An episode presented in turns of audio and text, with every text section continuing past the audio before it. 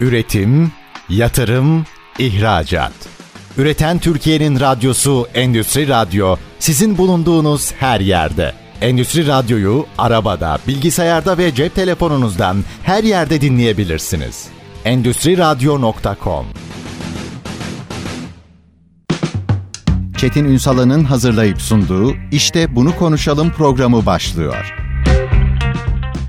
İşte bunu konuşalımdan merhabalar. Türkiye'nin gerçek gündeminde birlikteyiz. Efendim bugün değirmencilik, Türk değirmencilik sektörüne mercek tutacağız ama farklı bir boyutuyla. Özellikle Rusya pazarı başta olmak üzere farklı pazarlarda enteresan bir atılım içerisinde ve yıllar içerisinde aslında böyle sessiz, sedasız büyüdü, tarım sektöründeki teknolojiyi de bunun içine katmak lazım. Büyüyen bir ivme yakaladı. Nereden nereye geldi biraz bunu mercek altına alacağız ama onun dışında konjonktürel olarak da baktığınızda hani Rusya enteresan bir pazar. Rusya'daki atılım çok daha ilginç hale geliyor. Hepsini mercek altına alacağız. Hage Grup Yönetim Kurulu Başkanı Muhammed Ali Kalkan bugün işte bunu konuşalımın konu. Sayın Kalkan yayınımıza hoş geldiniz efendim. Hoş bulduk Çetin Bey. Çok sağ olun. Üstadım yıllardır aslında bu sektörün ivmesini yakından takip eden isimlerden birisiniz. Birkaç şey soracağım. Hani Rusya'ya geleceğim, yurt dışı pazarlardaki evet. şansımızı hepsini açacağım ama mesela bunlardan birincisi nereden nereye geldiğinin bir özetini ne olur bize yapın. İkincisi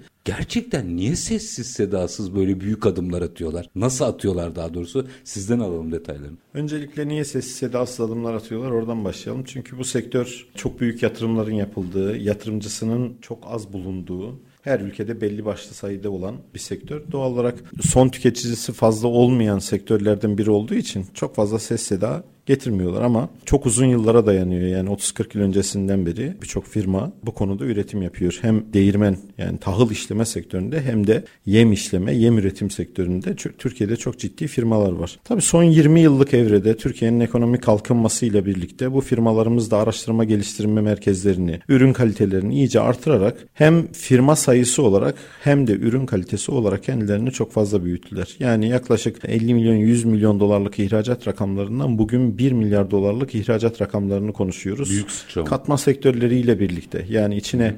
Biz değirmenle birlikte un ihracatını falan da katacak olursak biz yaklaşık 4-5 milyar dolarlık bir rakamdan bahsediyoruz ama sadece değirmen ve yem sektörünün önümüzdeki dönemki hedefi 2 milyar dolar ve üzerinde bir ihracat rakamına çıkmak çok da uzak bir ihtimal değil. Türev ürünler olası. hariç 2 milyar dolar. Türev ürünlerle birlikte. Birlikte. Birlikte. Çünkü bir tesisi yaptığınızda, müşterisini bulduğunuzda sadece değirmenine kalmıyor. Bununla birlikte onun konveyör sistemleri, laboratuvar sistemleri, oraya ürünü tedarik edeceğiniz silolar, bunun binasının yapılması, teknik işlemlerinin hepsi aslında birçok farklı firmanın birleşerek bir tesisi ortaya getirmesini sağlıyor. Türkiye'de bir firma bir değirmen anahtar teslim un fabrikası siparişi aldığında bir firmamız bunun valslerini, iç ana sistemini üretirken diğer tarafta ona tedariği sağlayacak silolarını üreten, bunun band konveyör band sistemlerini üreten, paketlemesini üreten, içinde çıkacak ürünü, ürünü market raflarına taşıyacak şekilde ambalajlanmasını sağlayacak birçok firma hepsi birlikte hareket ederek bir tesisi üretip ortaya getiriyorlar. Ama ana üstlenici kim oluyor? Değirmen değirmeni kuracak Hı. olan. Ama eş zamanlı birçok sektörü tetikliyor. Tabii tabii. Yani zaten birisi bir sipariş aldığında sektörden bir değirmen firması sipariş aldığında mutlak surette yanındaki 4-5 tane firma ile birlikte diğer e, yan ürünleri de tamamlayarak anahtar teslim olarak fabrikayı yatırımcıya anahtar teslim olarak yapıp veriyorlar. Sessiz sedasız dediğiniz tamam. Yani çok niş bir alan anladığım niş kadarıyla. bir alan evet. Niş bir alan ondan kaynaklanıyor ama hacim büyüyor. Evet. Ee, şimdi bunun sadece yurt içinde büyümesi bize memnuniyet verir de yurt dışı asıl e, burada hem ihracat hem de atılım açısından baktığımızda büyük potansiyel taşıdığını hissediyorum sözlerinizden. Oradaki potansiyeli de biraz anlatabilir misiniz? Aslında büyümesinin büyük bir çoğunluğu zaten yurt dışında. Şu anda da artık yurt içinde çok fazla büyümüyor. Çünkü yurt içinde e, daha büyük endüstrilere dönüştü e, un sektörü. 1200 fabrikalardan yaklaşık 600 fabrikalara geri döndük. Hı. Çünkü küçük kapasiteli atıl fabrikalar devre dışı bırakıldı. Artık büyük kapasiteli niş ürün üreten yani e, son tüketiciye atıyorum işte baklavalık un üreten, işte böreklik un üreten ya da pizzalık un üreten e, daha e, kaliteli un üreten daha büyük tesislere dönmeye başladı. Doğal olarak iç pazar yeteri kadar dolu çünkü dünyada un ihracatında zaten lideriz. Kapasitemiz yeterli yerinde. E, firmalarımız artık yurt dışına ihracat yapıyorlar. Yani bu makineler aslında e, dünyada bu teknolojiye sahip olmayan ama ihtiyacı olan ki bütün ülkelerin ihtiyacı var çünkü gıda güvenliğinden e, yola çıkacak olursak e, şu anda neyi konuşuyoruz? Tahıl koridoru eğer oluşturulmasaydı Türkiye tarafından Afrikalı ülkeler ve birçok ülke aç kalacaktı. Doğru. Niye? Hepimizin temel gıdası tahıldan geçiyor. Tahılı da bir şekilde işleyebilmemiz lazım ki e, kullanabilelim. Eğer tahılı işleyemezseniz elinizde tahılın olmasının da çok bir anlamı yok. Tahılı işlerken de neye ihtiyacınız var? Teknolojiye, makineye ihtiyacınız var. Türkiye bu firmaların ya dünya yüzündeki bu tarz firmaların %50'sini barındırıyor. Yani biz tahıl işleme sektörüyle ilgili çok fazla firmamız var. Çok iyi kalitede ürün üreten firmamız var. Doğal olarak bütün dünya pazarımız şu anda. Ee, burada yine merak ettim. Mesela tahıl koridoru anlaşması burada kritik bir nokta. Sektörün sıçrayabilmesi adına da kritik bir nokta. Çünkü marka değerini yükseltecek. Şimdi bundan nasıl faydalanması lazım sektörün? Mesela onu da merak ederim. Şimdi tahıl koridoru anlaşmasında tabii biz arayı bulan o yüzden yani ara, arayı anlaşmanın aray, içeriğinden arayı çok bulan ülke olduğumuz çok önemli. aslında sevkiyatta komple bizim üzerimizden oluyor. Aynı zamanda biz gittiğimiz ülkelerde bu arkamızdaki güçlü desteği hissettirmiş oluyoruz. Yani Hı-hı tahılın tedariğini de biz sağlıyoruz. Teknolojisini de biz sağlıyoruz size diyebiliyoruz. Ki bunu sağlayabilecek düzeyde de çok fazla firmamız var. Adlarından çok fazla söz ettirdiler. Yıllar önce bizim firmalarımızı birileri satın alırken, Avrupalı firmalar satın alırken artık geçen yıl itibariyle biz Avrupalı firmaları satın almaya başladık. Güzel. Sektör bu anlamda çok yayılıyor yani. Evet, yayılıyor. Ee, burada yine merak ettiğim hususlardan biri teknolojik teknoloji satıyorsak biz günün sonunda evet. bunun içine mühendisliği de koymak lazım. Çünkü işin Kesinlikle. içine mühendislik de girer. E şimdi şöyle dünle bugünü bir mukayese ettiğinizde teknolojik olarak neler değişti? Aslında değirmen sektöründe teknolojik olarak çok değişen şey yok. Sadece ürünü daha iyi kalitede çıkaran makine söz konusu. Daha az fireyle çıkaran makine söz konusu. Yani bir tesis yapıyorsunuz. Günlük 100 ton hmm. un ürettiğinizi düşünelim. Makinalarınız iyi değilse fire oranları fazlaysa günlük atıyorum 2 ton buğdayı zayi ediyorsunuz. Ama teknolojiniz ilerlediğinde günlük o 2 ton buğdayı zayi etmemeye onu una çevirmeye başlıyorsunuz. Bu sebeple ne oluyor? Karşıdaki yatırımcı sizin fire oranı daha fazla olmayan tesislerinizi daha fazla tercih etmeye başlıyor. Çünkü günlük 2 ton buğdaydan yıllık 700 ton buğday yapar. Bunu e, rakamları şey olarak veriyorum. E, rastgele. rastgele veriyorum. Çok daha yüksek kapasiteler var. Bunları rakama vurduğunuzda yıllık milyon dolarlık zararlara neden oluyor un fabrikalarında. Bizde gelişen teknoloji ve kalite aslında bu fire miktarlarını azalttı. Paketleme kısmında günümüz koşullarına uygun daha işlevsel paketler, farklı ölçülerde paketleme teknikleri gelişti paketleme firmalarında. E, silo sistemlerinde sekeza ürünü daha uzun süre muhafaza edebilecek ve içinde çürümeye, küflenmeye veya ürünü atmaya sebep olacak şeylerden uzaklaştırdı. Teknoloji bu anlamda gelişti. Yoksa tam teknik anlamıyla dijital sistemler falan konuşacak olursak bunlar yani 20-30 yıllık evrede çok aşırı gelişmiş olan şeyler değil. Bundan sonraki süreçte peki en azından sizin tecrübeleriniz ölçüsünde gündeme gelecek noktalar mı bunlar yoksa hayır burada çok dijitalleşmeye gerek yok mu demek gerek gerekiyor? yok. Evet. Hı. Dijitalleşmeye çok fazla gerek yok. Çünkü e, zaten tesis hemen hemen dijital çalışıyor gibi diyebiliriz size. Hı hı. Çünkü bir taraftan sistemi kurduğunuzda içine gerekli ürünü verdiğinizde diğer taraftan firesiz bir şekilde sağlıklı bir şekilde unu alabiliyorsanız yemi alabiliyorsanız sağlıklı bir tesis teknolojik bir tesis işletiyorsunuz demektir. Bir de tabii orada şöyle bir nokta var yani fire oranları rakamları rastgele söyledik ama her zamankinden çok daha pahalı. Şimdi tabii. ürün çok değerli tabii, hale tabii. geldi çünkü. Yani sizin orada bir tonu bile feda etmemeniz gerekiyor. Yani söylediğim rakamlar milyon dolarlık rakamlar. Yani bizim makinacımızdan bir makine tercih edebilmesi için aradaki fire oranlarını çok ciddi hesapta hesaplıyor şeyci, yatırımcı. Çünkü yıllık 100 milyon dolarlık un ürettiğinizi düşünün. Hı hı. Makinalarınızın fire miktarının 5 milyon dolar olduğunu düşünün. Hiç az bir rakam değil. Bu 5 milyon dolarlık fire miktarının 4 milyonunu ortadan kaldırabilecek yeni bir tesis sizin yeni bir tesis kurma veya tesisinizi güncelleme kararına doğru itiyor. İşte bizim firmalarımız bu noktada hemen devreye giriyorlar. İşin tabi burada pazar meselesini, yurt dışı pazar meselesini biraz evet. açmak istiyorum ama şimdi iki dakika sonra bir araya gideceğim. Gitmeden önce şunu öğreneyim öyle gideyim. Rakip kim? Rakip Çin ve Avrupalı firmalar. Şu anda yoğun rakibimiz Çin. Ondan sonra da Avrupalı üreticiler. Ama tabii biz bu arada kalite fiyat dengesi olarak en iyi konumda bulunuyoruz. Hmm, optimum noktayı biz mi evet, yakalıyoruz yani? optimum noktayı biz yakalıyoruz. Sadece pazarlarda kendimizi kabullendirebilmemiz lazım. Birazdan değineceğiz belki. Açacağım. Rusya Rusya pazarı bunun için çok önemli bir kalemdir. Çünkü Rusya pazarı üst seviye makine tedariği konusunda önemli bir yer alıyor. Çünkü endüstriyel tesisler gitgide artıyor. Rusya'da kapasiteler gitgide artıyor. Buğday üretimi fazla olduğu için kapasiteler de üretim kapasiteleri de yüksek. Doğal olarak burada kaliteli daha üst düzey ürün tes- şey yap, temini evet. söz konusu. Bizim firmalarımız aslında bu seviyedeler ama o pazar henüz kabullenmemişti bizim yaptıklarımızla yavaş yavaş kabullenmeye başlıyorlar. Süre kısa olduğu için böyle Evet evet bunu açacağım çünkü bu kıymetli bir konu. Çünkü o devamlılığını getirmemiz gerekiyor için yarım kalmasın. Ama merakımdan Çin'de ağırlıklı olarak seri üretim Avrupa'daki rakiplerde de fiyat mı daha çok ön plana çıkan? Aslında Avrupa'daki e, rakiplerde yani. Avrupa'daki rakiplerin çok daha köklü geçmişleri var. Yani çok daha uzun süreleri da dayanıyor. Pazara çok hakim firmalar var. Uzun yıllardır tesis sağlayan firmalar var. Çin'de ise yeni yeni çıkıp fiyat avantajı sunan firmalar var. Biz ikisinin tam ortasında hem kaliteli ürün hem uygun fiyat optimizasyonunu sağlıyoruz. Yani Çin'den yükseğiz, Avrupa'dan düşüyoruz ama Avrupa ile aynı kalitede ürün yapabiliyoruz artık. E, mühendisliği de eşit verebiliyor muyuz evet, Avrupa ile? Evet, Güzel. Bu güzeldi. Verebilecek çapta firmalarımız var. Sektörün şimdi, tamamı olmasa da. Şimdi onları nereye götüreceğiz? Ee, biraz yurt dışında hakim kılmamız evet. gerekiyor. Minik bir araya gideyim. Aranın ardından Rusya temelli biraz yurt dışına gidelim. Çünkü Hayır. kıymetli. Orada yapılan iş var, yapılması gerekenler var. Hepsini konuşacağız. Minik bir Hayır. aranın ardından HG Grup Yönetim Kurulu Başkanı Muhammed Ali Kalkan Bakan konuğumuz efendim. Değirmencilik sektörünü mercek altına alıyoruz. Sıra geldi dünyaya. Peki orada ne yapmamız lazım? Kısa bir ara işte bunu konuşalım devam edecek. Üretim, yatırım, ihracat. Üreten Türkiye'nin radyosu Endüstri Radyo sizin bulunduğunuz her yerde. Endüstri Radyo'yu arabada, bilgisayarda ve cep telefonunuzdan her yerde dinleyebilirsiniz. Endüstri Radyo.com Kısa bir aranın ardından işte bunu konuşalım devam ediyor efendim. Değirmencilik sektörünü mercek altına alıyoruz. Konuğumuz kim? Hage Grup Yönetim Kurulu Başkanı Muhammed Ali Kalkan. Şimdi Sayın Kalkan aslında çok güzel bir fotoğraf çektiniz bir Araf'tayız gibi.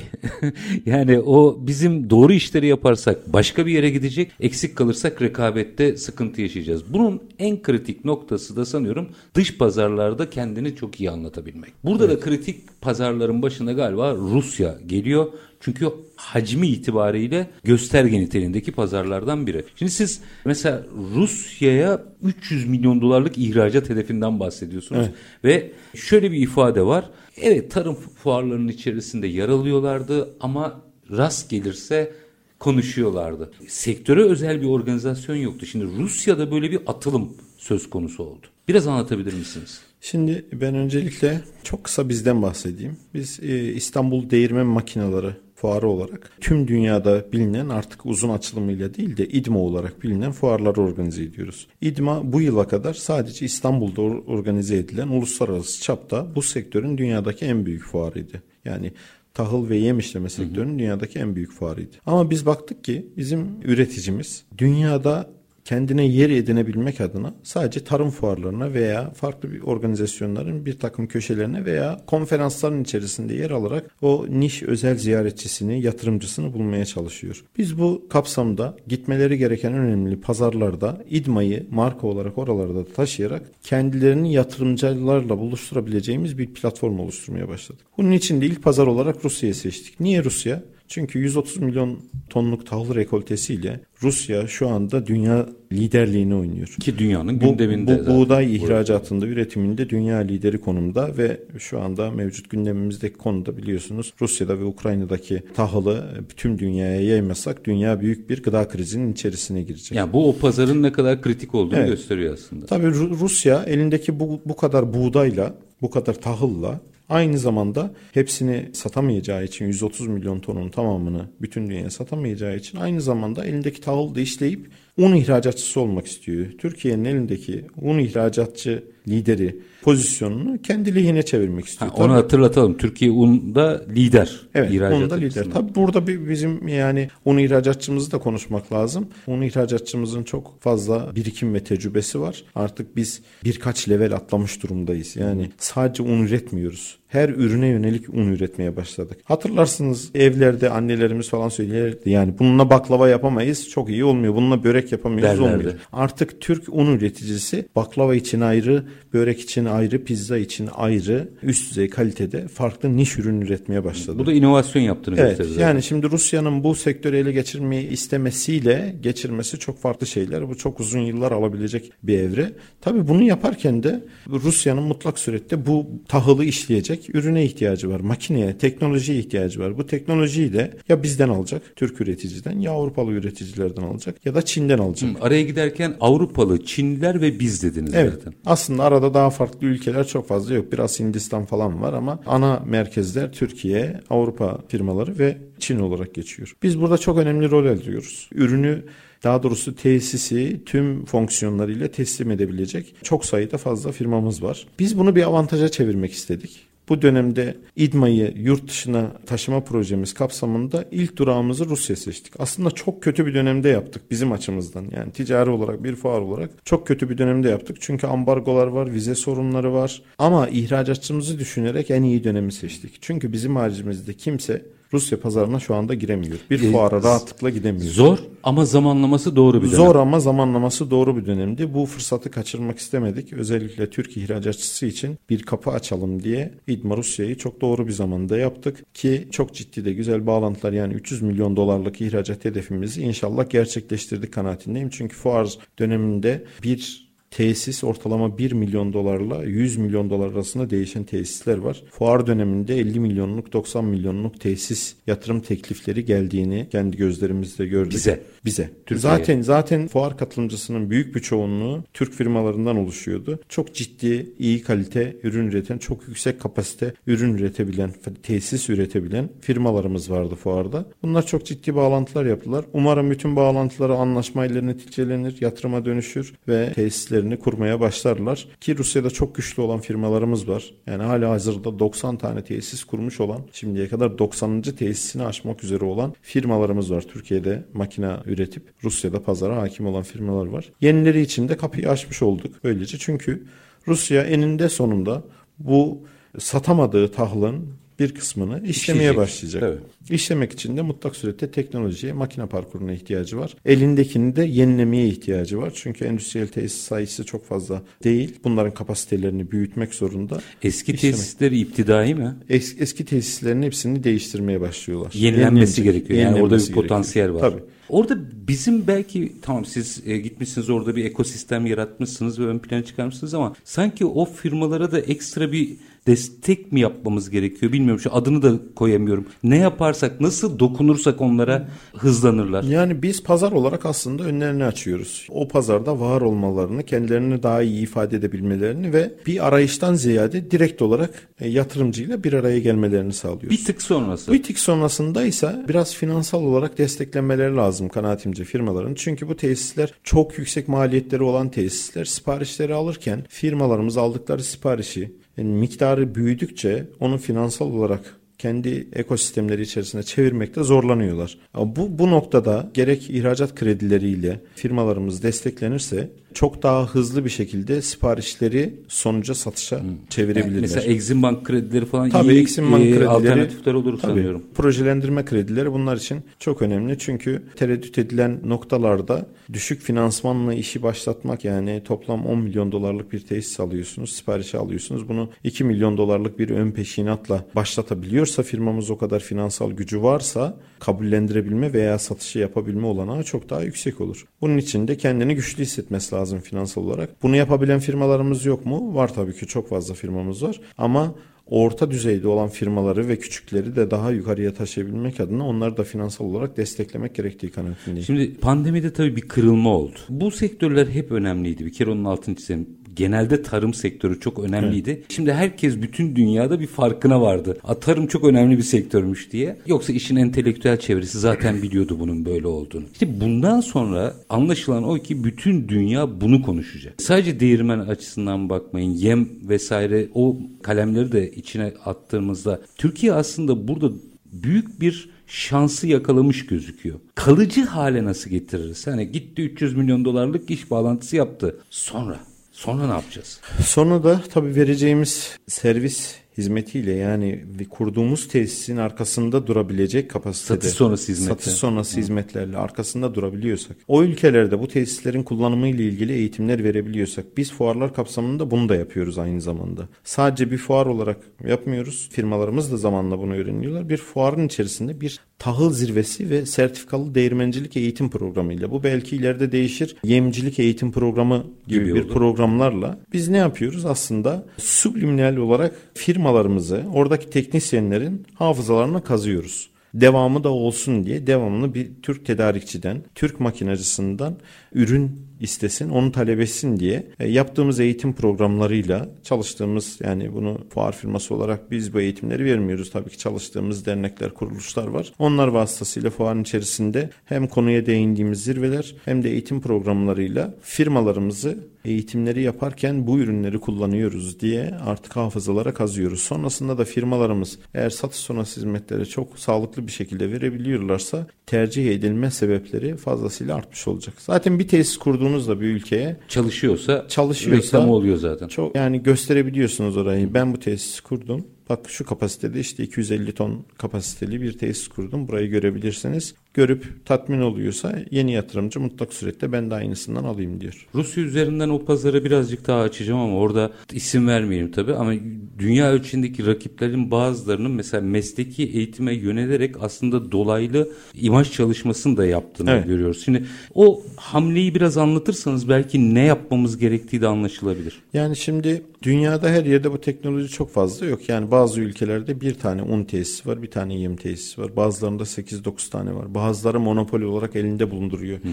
Yani çok yani hiç aklınıza gelmeyecek şekilde 200-250 milyon nüfuslu bir ülkede un üretimi monopoli olarak tek bir firmanın elinde. Bunlar çeşitlendirilecek illaki. Bazı ülkelerde hiç yok çünkü tahıl üretimi de yok. Yavaş yavaş bu ülkeler tahıl üretimlerini artırıp artık tahıl işlemeye de geçmek istiyorlar. Bu noktalarda bahsettiğiniz gibi bazı firmalar eğitim vererek ileride tesis kurabilecek olanların hafızalarına kendi ürünlerini kazmış oluyorlar. Bizim firmalarımız da yavaş yavaş bu atılımı yapmak için çalışmaya başladılar. Gittikleri ülkelerde büyük olan firmalarımız yavaş yavaş bir eğitim stratejisi içerisine girdiler. Bu çok önemli. Bu oradaki teknisyenleri Türkiye'ye çağırıp kendi fabrikalarına, kendi ARGE merkezlerinde yetiştirip tekrar geri göndermeleri çok önemli. Böylece hani e, hep çocukken böyle bahsederdik işte bugün şu arabaya binmek istersen işte tanıtırsam sana bu arabayı ileride büyüdüğünde bu arabaya binmek istersin hafızanı o kazanır. Makine sektörü de aynı böyle teknisyenin eline doğru çalışabilecek makineyi verdiniz ve onu anlattınız mı o tesisi kuracak olduğu zaman satın almacısına ya da yatırımcısına bu tesisle ben rahat çalışabilirim diyor. Bu makineyle rahat çalışabilirim diyor. Ömür boyu aslında sizin ömür, lansmanınızı yapıyor. Ömür boyu lansmanınızı yapıyor. Doğal olarak onları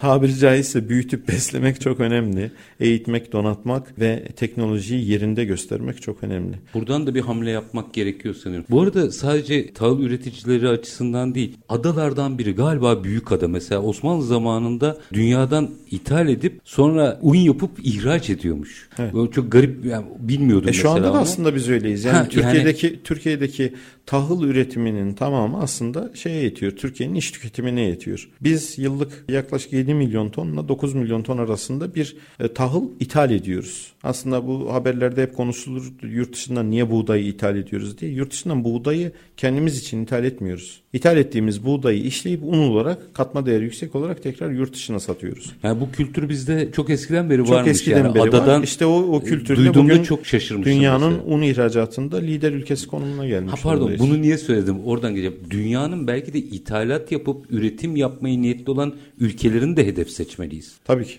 Tabii ki. Yani, Sırf tahıl üreticisi olması yani işte bunlardan e, en önemlisi yani Rusya evet kendisi üretip yapıyor ama çok fazla un ithalatı yapan firma ülkeler de var. Çünkü tüketimleri çok fazla. Artık onlar e, kendi kapasitelerini artırmak, kendi ülkelerine yetmek istiyorlar veya Afrika'da bu çok önemli bir olgu. Hmm. Merkez ülkeler var çünkü Afrika'da. Biz Afrika'da da çok yoğun olarak fuarlar yapıyoruz farklı sektörlerde. Merkez ülkeler çok farklı konumlardalar. Yani atıyorum Batı Afrika'da Senegal veya Doğu Afrika'da Kenya merkez ülkelerden bir tanesi. Orada kendi kapasitesine yetecek kadar üretim yaptıktan sonra bulunduğu bölgeye un ihracatı yapabilecek ölçekte ülkeler var. Yatırımcılar oralarda bulunuyorlar. Çünkü Afrika'da biliyorsunuz darbe ve güvenlik sıkıntıları çok var. çok yüksek. Darbe riskinin az olduğu, güvenlik zaafının olmadığı ülkelerde yatırımcı yatırım yapmak, orada üretmek, orada ürettiğinde hinterlandındaki tüm ülkeleri dağıtmak istiyor. Yani bölgesel üreticiler gibi bölgesel bir potansiyel var. Bölgesel bir potansiyel var. Bunu değerlendirmek çok mümkün. Peki bunu birazcık daha açalım. Özellikle Rusya'dan bir tık sıçramak istiyorum. Çünkü Rusya pazarına hakim olursak mesela Türkiye Cumhuriyetlerde yayılabilir evet. miyiz? Doğu Avrupa'ya yayılabilir miyiz gibi gibi biraz potansiyeli e, açmanızı rica edeceğim ama minik bir araya gideyim. Aranın ardından evet. oradaki potansiyeli ve stratejiyi de biraz konuşmak isterim. Gördüğüm kadarıyla programın başında ifade ettiğim sessiz sedasız söylemi çok doğru. Evet. Sessiz sedasız ama önemli işler yapıyor değirmencilik evet. sektörü birazcık daha tanımaya çalışacağız. Hage Grup Yönetim Kurulu Başkanı Muhammed Ali Kalkan konuğumuz kısa bir ara. Aranın ardından işte bunu konuşalım diyeceğiz. Lütfen bizden ayrılmayın. Üretim, yatırım, ihracat. Üreten Türkiye'nin radyosu Endüstri Radyo sizin bulunduğunuz her yerde. Endüstri Radyo'yu arabada, bilgisayarda ve cep telefonunuzdan her yerde dinleyebilirsiniz. Endüstri Radyo.com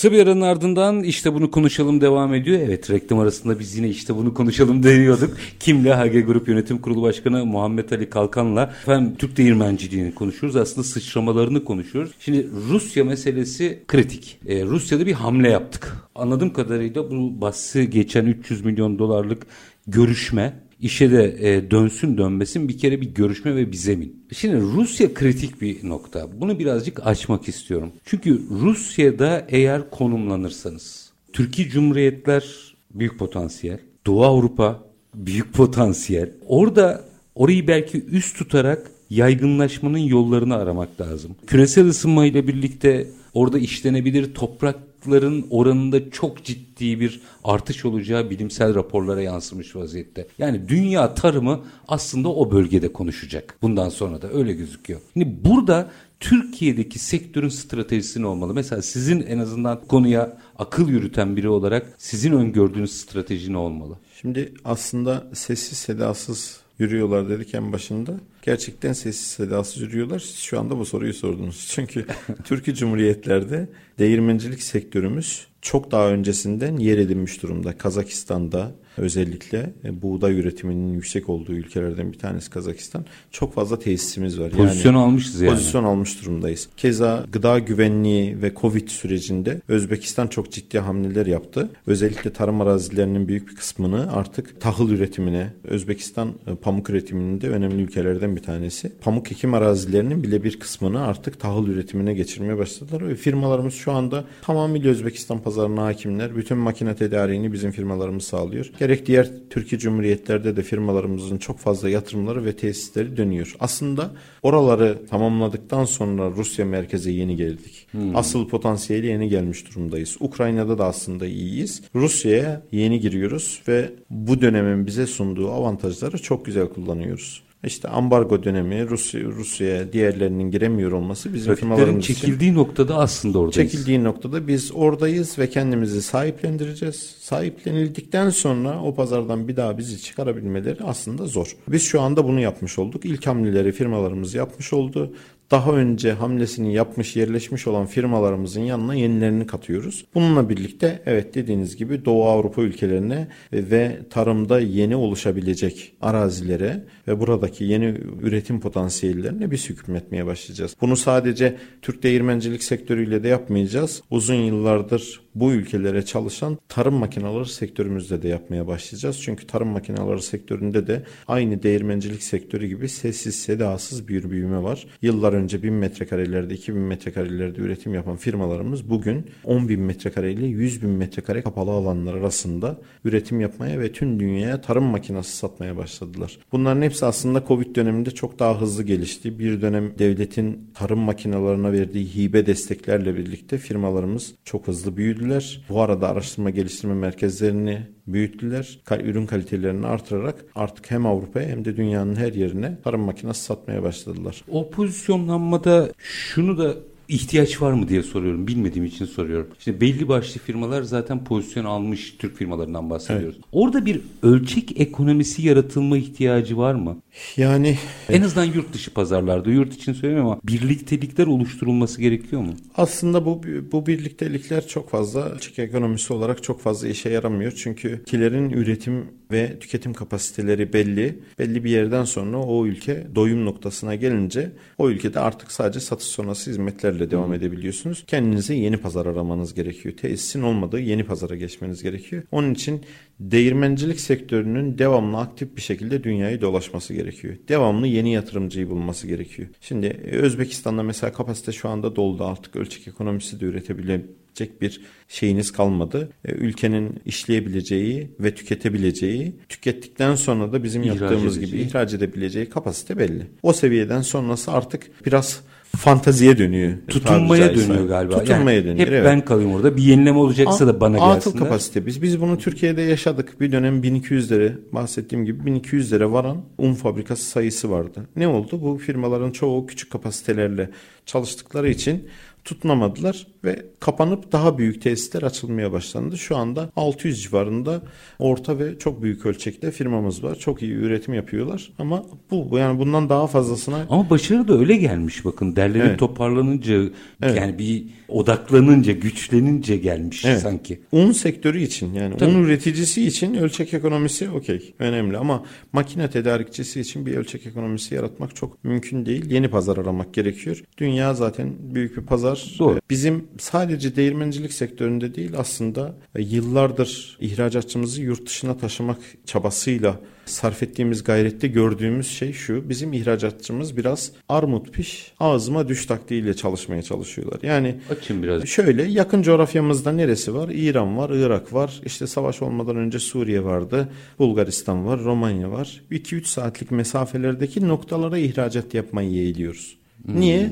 Rahat buradan Biraz yani açık denizlere gitmek Gaziantep'ten Irak'a geçmek çok kolay. Herkes Erbil'de mal satabiliyor ama herkes Afrika'da mal satamıyor. Niye? Frankofon ülkeler var. Diplomasisi yoğun olan ülkeler var. Ürün tedariğinde ya da sevkiyat lojistikte zor olan ülkeler var. Ama bizim olmadığımız ülkelerde Hindistan var, Çin var, Avrupalı ülkeler var. Girmeye zorlandığımız ülkeler de var. Niye? Çünkü ihracatçıları hiç yerlerinde durmuyorlar. İş ayaklarına gelsin diye beklemiyorlar. Bunda tabii bizim bir pazarlama stratejilerimizde hatalarımız var. İki dil yetkinliğimizde eksiklerimiz var. Üç biraz bazen ihracatçımız tembellik yapıyor. Yani hazır bana bir iş gelsin ben onun peşinden koşayım diyor. Doğru. Bunu Aslında bunu geneli için söylemiyorum. Antep'ten Irak'a mal satmak İstanbul'a satmaktan daha kolay. Hemen hemen hemen aynı yani. Evet. Daha da kolay yani evet. Çünkü iç iç pazarda vadeler daha uzun, daha şey ama Irak'ta al gülüm ver gülüm rahat Biraz ama burada belki bilinçlendirip cesaretlendirmek lazım onları. Tabii ki kesinlikle. Biz fuar firması olarak bile bunun bunun için e, bazı çalışmalar yapıyoruz. Mesela fuara nasıl hazırlanır eğitim programı yaptırdık yaptırdık. 4 saatlik ve 12 saatlik iki program. Katılımcılarımıza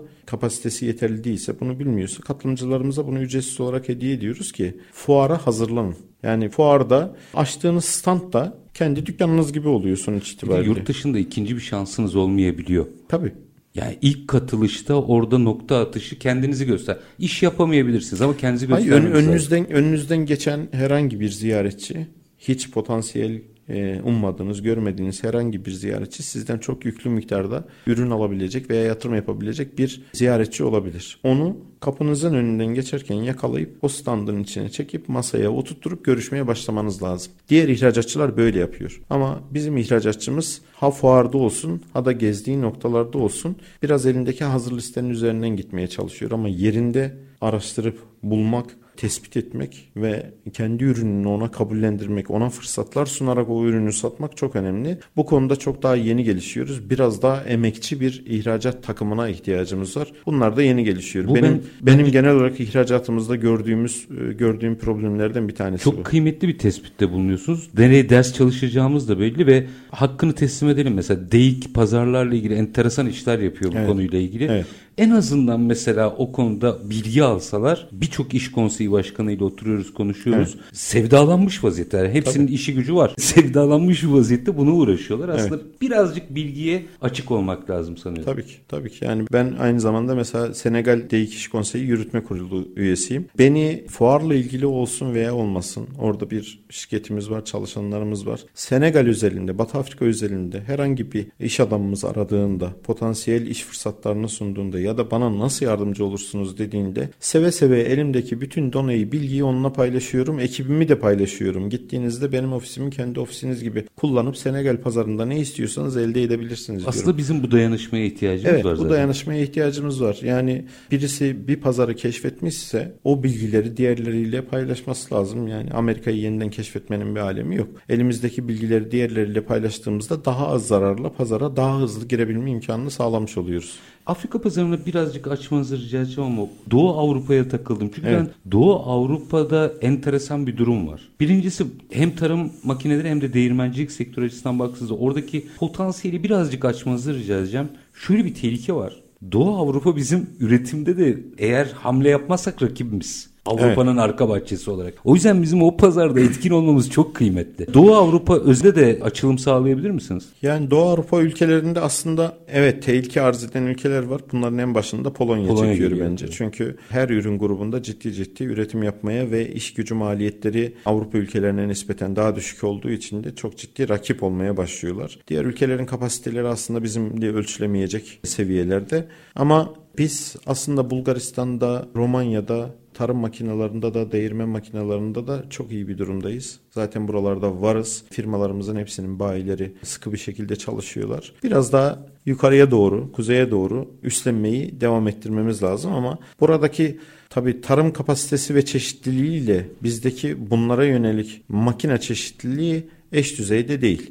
Biraz açayım lütfen. Yani bizim makine parkurumuz, makine üretim parkurumuz aslında dünyanın biraz kuzeyi ama genelliği itibariyle güneyi ile alakalı makine üretimimiz var. Hmm. Tarım makinalarında. Yani kuzeye biraz çıktığında, çıktığınızda özellikle Rusya'nın içinde de bunu yaşıyoruz. Rusya'da mesela tarım arazileri çok geniş, çok büyük. Bizdeki makine parkuru bu Rusya'daki arazilerde kullanılabilecek ölçülerde değil. En basit örnek vereyim mesela tarım makinesinden örnek hmm. vereyim. Mibzer diye bir makine var. Tohumu ekmeye yarıyor tarlaya. Bizde genelde 400 8'li 12'li, 6'lı 12'li, maksimum 24'lü falan mibzer kullanılır. Bu traktörün arkasına, arkasına takılandan. 24 Hı-hı. tohum gözü olup toprağa ekip yapan ve bunu 60 beygirle 120 beygir arası traktörlerle çekerek götürürsünüz. Ama Rusya'da 450-500 beygirlik, 600 beygirlik hatta paletli traktörler kullanılıyor çünkü arkasında 56'lı bir mibzer taşıyor. Yani bizim mesela yaptığımız bir pulluk Rusya'da bir sezonda ömrünü tüketebiliyor. Çünkü bir sezonda 10 bin dönümlük bir araziyi sürmesi gerekiyor. Bizim Burada 10 sezonda yapıyor bunu. Biraz ürün geliştirmemiz lazım o pazarlara. Tabii yani yeni yeni başladık bu ürünleri geliştirmeye. O pazara da hitap etmeye. Çünkü aslında çok geniş bir coğrafyadan bahsediyoruz ama alıcılarının tek bir kesim olduğu bir coğrafyadan bahsediyoruz. Firmalarımız bunun için kapasitelerini de artırmaları gerekiyor. Biraz önce bahsettiğim gibi işte 1000 metrekarelerden 2000 metrekarelerden 50 bin 100 bin metrekarelere gelen firmalarımız var. O firmalar artık o büyük kapasitedeki makinayı üretebilir teknolojilerini o seviyeye getirebilir hale geldiler. Doğal olarak artık kuzey e, bölgesine de girebilir, ürün verebilir hale gelmek üzereler. Yani aslında kullanamadığımız, üretim metodolojimizden dolayı kullanamadığımız bir kapasite var orada diyorsunuz. E yani alışılmışlık var. Şimdi önce iç pazara hedefliyoruz ya. Hı hı. İç pazarda kullanılan makina düzeyleri küçük ve orta ölçekli ise önce uzmanlığınızı bunların üzerinde yapmış oluyorsunuz. Sonra ihracata geçerken elinizdeki uzman verilerle başlıyorsunuz ihracatı yapmaya. Ama girdiğiniz Kuzey pazarında sizin uzmanı olduğunuz küçük kapasitedeki makineler değil de çok daha büyükleri kullanıldığı için bir bocalama döneminiz oluyor. Oraya ürün yetiştirsem mi acaba yapsam ne kadarını satabilirim kısmı yeni bir yatırım gerektiriyor. O noktada firmalarımız biraz daha büyümeyi beklediler. Bence artık o seviyeye de geldiler. Artık o pazarlara da ürün yapabiliriz. Sözlerinizden anladığım kadarıyla yapsam ne kadar satabilirimin karşılığı satarsın. Evet. Yapsan satarsın. Yapsan satarsın. Çünkü sen satmadan önce bunu İtalya'dan alıyordu. Sen satmadan önce bunu Almanya'dan alıyordu. Ama gördüler ki Covid döneminde Almanya ve İtalya makine tedariği sağlayamadı. Nereye döndüler? Türkiye'ye döndüler. Türkiye sen, sen bana bu makineyi üret ver dediler. Şimdi firmalarımız da artık o kapasiteye yani teknik olarak fabrika büyüklüğü olarak makine parkuru, stok parkuru olarak o kapasiteye geldikleri için artık oraya o ürünü hazırlayıp satabilir kapasitedeler. Birkaç cümle Afrika pazarıyla ilgili de ekleyeceğiniz bir şey varsa bir mesaj orayı da almak isterim. O Şimdi, çok az biz bu ara çok konuşuyoruz ama çok az konuştuğumuz pazarlardan biri. Çünkü. Afrika bence tüm dünya için gelecek. Çünkü çok bakir bir pazar. Bütün ülkeler yeni ve hızlı gelişiyorlar. Hem demokrasileri hızlı gelişiyor, hem üretim kapasiteleri hızlı gelişiyor, hem nüfusları çok hızlı gelişiyor. Toprakları çok bakir, doğal zenginlikleri çok fazla ve biz bu pazarda son 10 yıllık periyotta çok hızlı hamle yapmaya başladık. Her zamanki gibi neyle önce hamle yapmaya başladık? Bayındırlık ve iskan yatırımlarıyla. İnşaat firmalarımız çok ciddi atılımlar yapıyor. çok alt... Ee, devletimiz sağ olsun bütün ülkelerde çok ciddi atılımlarda ve biz gittiğimiz bütün ülkelerde bunun avantajını yaşıyoruz. Artık her yerde üstlenmeye başladık. Her yerde Türkiye'yi tanımaya başladılar.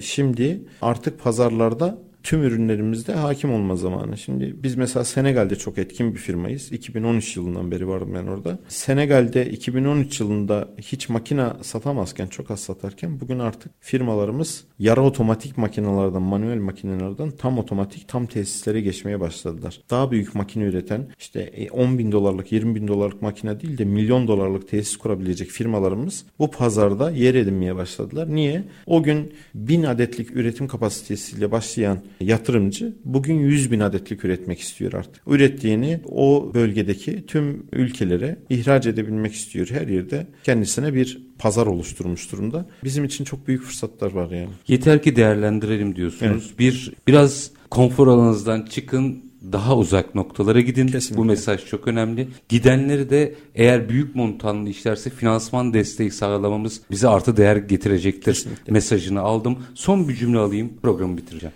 Bu bahsettiğimiz noktadan kendimden örnek vermek istiyorum. Ben konfor alanından çıktım. Fuar, fuar organizasyon firması olarak Senegal'e 2013 yılında yerleştik. Bugün 2022'deyiz. Senegal'deki spesifik fuarları yapan en büyük fuar organizatörüyüz. Konfor alanımızdan çıkarsak olduğunuz pazarın hakimi olursunuz. Çok daha büyük ihracat yaparsınız. Ülkeye ve kendinize çok daha fazla faydanız olur. Hepiniz harekete geçin. Hiç geç değil. Bugün başlarsanız çok daha hızlı ulaşırsınız diyorum. AGE Grup Yönetim Kurulu Başkanı Sayın Muhammed Ali Kalkan çok teşekkür ediyorum efendim. Ben Sağ teşekkür olun. ederim. Var çok iyi. Sağ efendim olun. bugün aslında değirmencilik sektörü ve artı tarım makineleri sektöründen yola çıktık. Hem sektörü konuştuk hem potansiyeli çok bilmediğimiz bir alanda aslında çok enteresan bilgiler paylaştı Sayın Kalkan bizde. Ama onun ötesinde de ihracatçı olarak da tüm sektörlere mesajı çok açıktı. Biz her zamanki iyi bitirelim. İşinizi konuşun, işinizle konuşun. Sonra gelin işte bunu konuşalım. Hoşçakalın efendim.